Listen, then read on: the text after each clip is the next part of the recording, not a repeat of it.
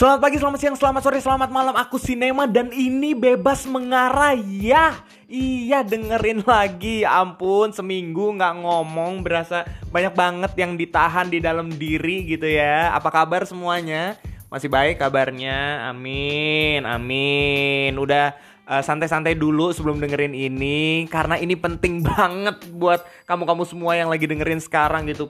Uh, relax dulu, tenang, chill, chill karena ini penting banget parah. Uh, kamu tahu nggak beberapa hari ini gitu ada mungkin ada teman-teman kamu yang mulai coba bikin podcast gitu ya atau mungkin mulai coba berkarya di sosmed. Waduh, ini ini true story banget ya. Jadi uh, di Instagramku tuh banyak banget yang namanya story orang, eh dengerin ya podcastnya, eh dengerin ya uh, nonton ya channel YouTube-nya gitu.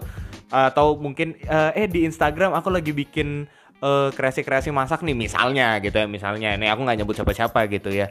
Pertama aku ngucapin uh, selamat selamat datang di dunia apa sosmed dan selamat berkarya gitu ya. Semoga karyanya bagus-bagus. Dan uh, bersyukur juga ternyata ada banyak orang yang menyadari kalau uh, ternyata hanya rebahan di masa-masa ini itu tidak menghasilkan apa-apa. Waduh, boleh rebahan boleh gitu ya. Tapi kalau misalnya rebahan terus nggak mikirin ide ya buat apa gitu kan? Hidup bukan cuma tentang rebahan, tapi kan lebih panjang lagi gitu. Nah, tapi itu itu singkat aja tentang itu ya. Yang mau dibahas oleh sinema hari ini ya, yang mau dikritisi, waduh, yang mau di apa? Bukan kritik juga sih ya, tapi uh, seorang sinema melihat perspektif lain gitu. Ada perspektif tertentu yang mau diambil gitu. Kadang-kadang kadang-kadang tuh gini. Uh, kamu sadar nggak kalau misalnya mungkin ada beberapa teman kamu yang sebenarnya mereka tuh awalnya minder gitu ya. Mereka awalnya minder terus mereka akhirnya coba berkarya. Atau mungkin ada beberapa teman kamu yang mungkin kamu lihat uh, wah dia udah berkarya banget. Wah uh, video-videonya mungkin atau podcastnya mungkin. Wah itu keren banget gitu. Dan itu jadi berpengaruh banget sama hidup kamu. Gini gini ya aku kasih tahu gini. Please kadang-kadang cara pandang kita yang seperti itu atau mungkin teman-teman kita yang berubah yang sebelumnya kayak uh, diem-diem aja tiba-tiba berkarya. Jangan-jangan nih jangan-jangan ya aku nggak nuduh ya. Jangan-jangan itu karena mereka mencoba cari penerimaan. Catat dulu tuh itu hari ini yang pertama harus diingat tuh.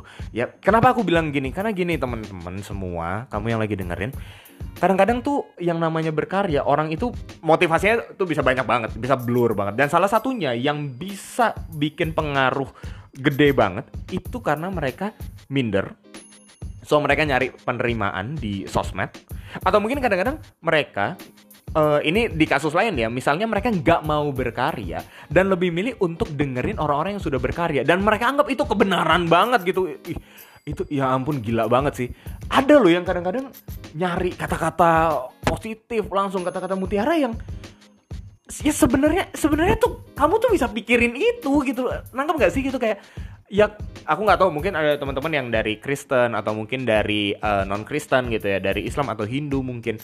Teman-teman ada eh, kata-kata dari pemuka-pemuka agamanya gitu dan teman-teman ingat itu kan sebenarnya udah juga bagus gitu. Tapi kenapa teman-teman akhirnya atau mungkin kamu yang lagi dengerin lebih memilih untuk uh, cari kata-kata oh yang dari akun IG ini nih bagus nih. Aku nggak mau sebut nama akun IG-nya tahu sendirilah ya gitu. Bisa dibayangin akun IG yang mana. Oh ini bagus nih gitu. Aku pengen uh, baca dulu apa kata-kata yang bagus sekarang. Akhirnya akhirnya perspektif kita tentang yang namanya berkarya dan melihat atau menikmati karya orang itu jadi keliru. Waduh, nah yang mau bilang keliru udah kayak paling bener aja. Enggak, ini yang aku lihat gitu ya. Balik lagi ini perspektifku.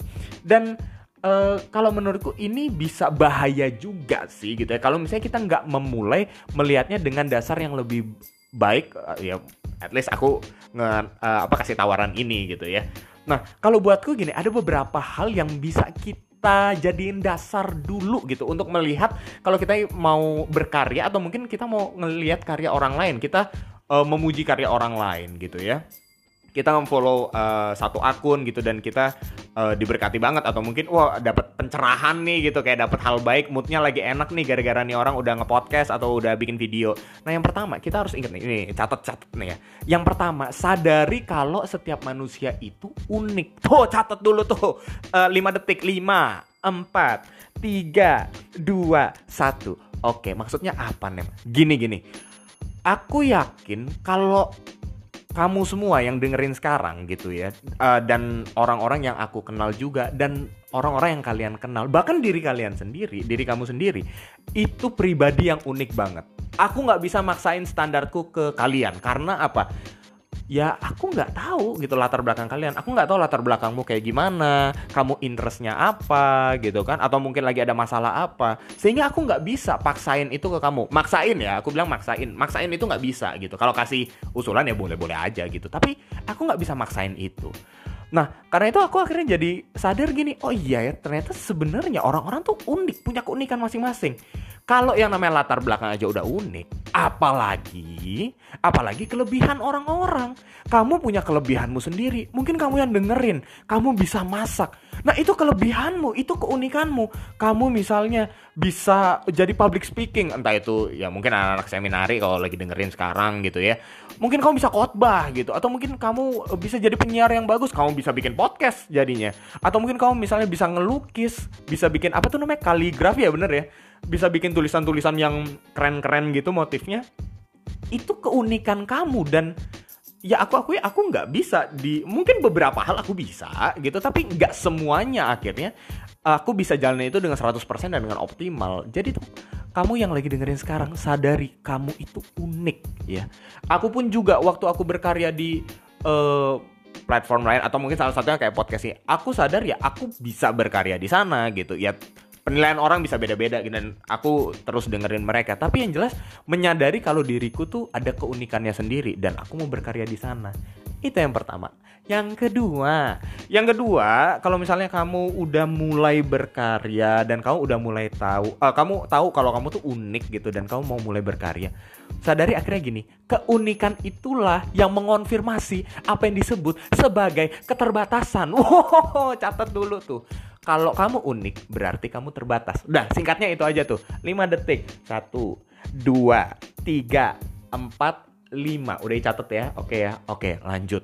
Nah, kalau yang namanya kita unik gitu ya, yang aku lihat kalau misalnya aku unik, berarti aku ya jelas-jelas terbatas gitu. Kadang ada orang kan bilang, aku tuh cuma manusia, aku terbatas. Nah, kadang-kadang itu tuh bisa jadi pembenaran untuk suatu kelemahan kita. Tapi sekarang coba ya, aku aku aku aku pengen kalian coba pertimbangin gini. Jangan-jangan keterbatasan itu sebetulnya lahir dari sebuah keunikan kita. Kita membawa keterbatasan itu karena apa? Kita membawa yang namanya keunikan kita. So, keterbatasan itu nggak buruk sebenarnya. Jangan pakai kalimat keterbatasan cuma buat bilang aku tuh lemah, aku tuh nggak bisa, aku tuh terbatas. No, ingat, aku terbatas. Kenapa? Aku punya sesuatu yang spesial di dalam diriku. Aku punya kelebihan lain di dalam diriku. Oh, ternyata orang itu juga terbatas. Misalnya kamu lihat ada public public figure gitu ya yang kamu lihat di Instagram atau misalnya di YouTube gitu, mereka udah berkarya. Jangan bilang mereka itu udah manusia setengah dewa lah atau wah itu udah perfect banget. Enggak, men, mereka itu berkarya itu karena mereka tahu mereka tuh unik dan karena unik makanya mereka sadari mereka tuh juga terbatas ada youtuber-youtuber misalnya yang mereka berkarya lewat apa ya uh, youtuber yang musik gitu lah atau youtuber yang jadi uh, food vlogger misalnya ya itu kan mereka tahu mereka bisa lakuin itu.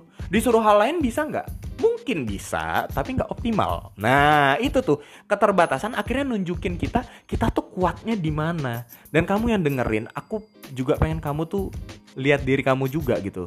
Aku yakin kamu yang dengerin punya keunikanmu sendiri. Aku yakin kamu punya keterbatasan, tapi bukan berarti kamu lemah.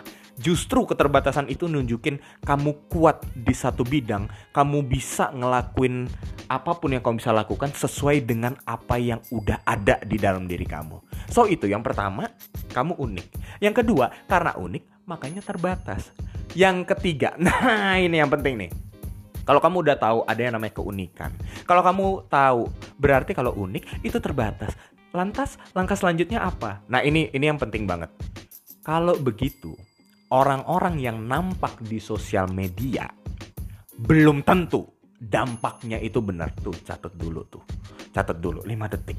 1 2 3 4 5. Oke, lanjut Nem. Gini, kadang-kadang kita tuh terbiasa banget ngelihat yang namanya orang udah nampak di IG, nampak di YouTube gitu ya, udah kelihatan, wah dia followernya banyak banget, subscribernya banyak banget, wah ini udah berdampak banget, ini pasti bagus banget nih gitu, man, please, mas, mbak, ya jangan kemakan uh, asumsi-asumsi yang kayak gitu kenapa karena orang-orang yang udah nampak itu mereka adalah orang-orang yang berkarya berdasarkan keunikan dan keterbatasan mereka. Ingat poin satu dan dua.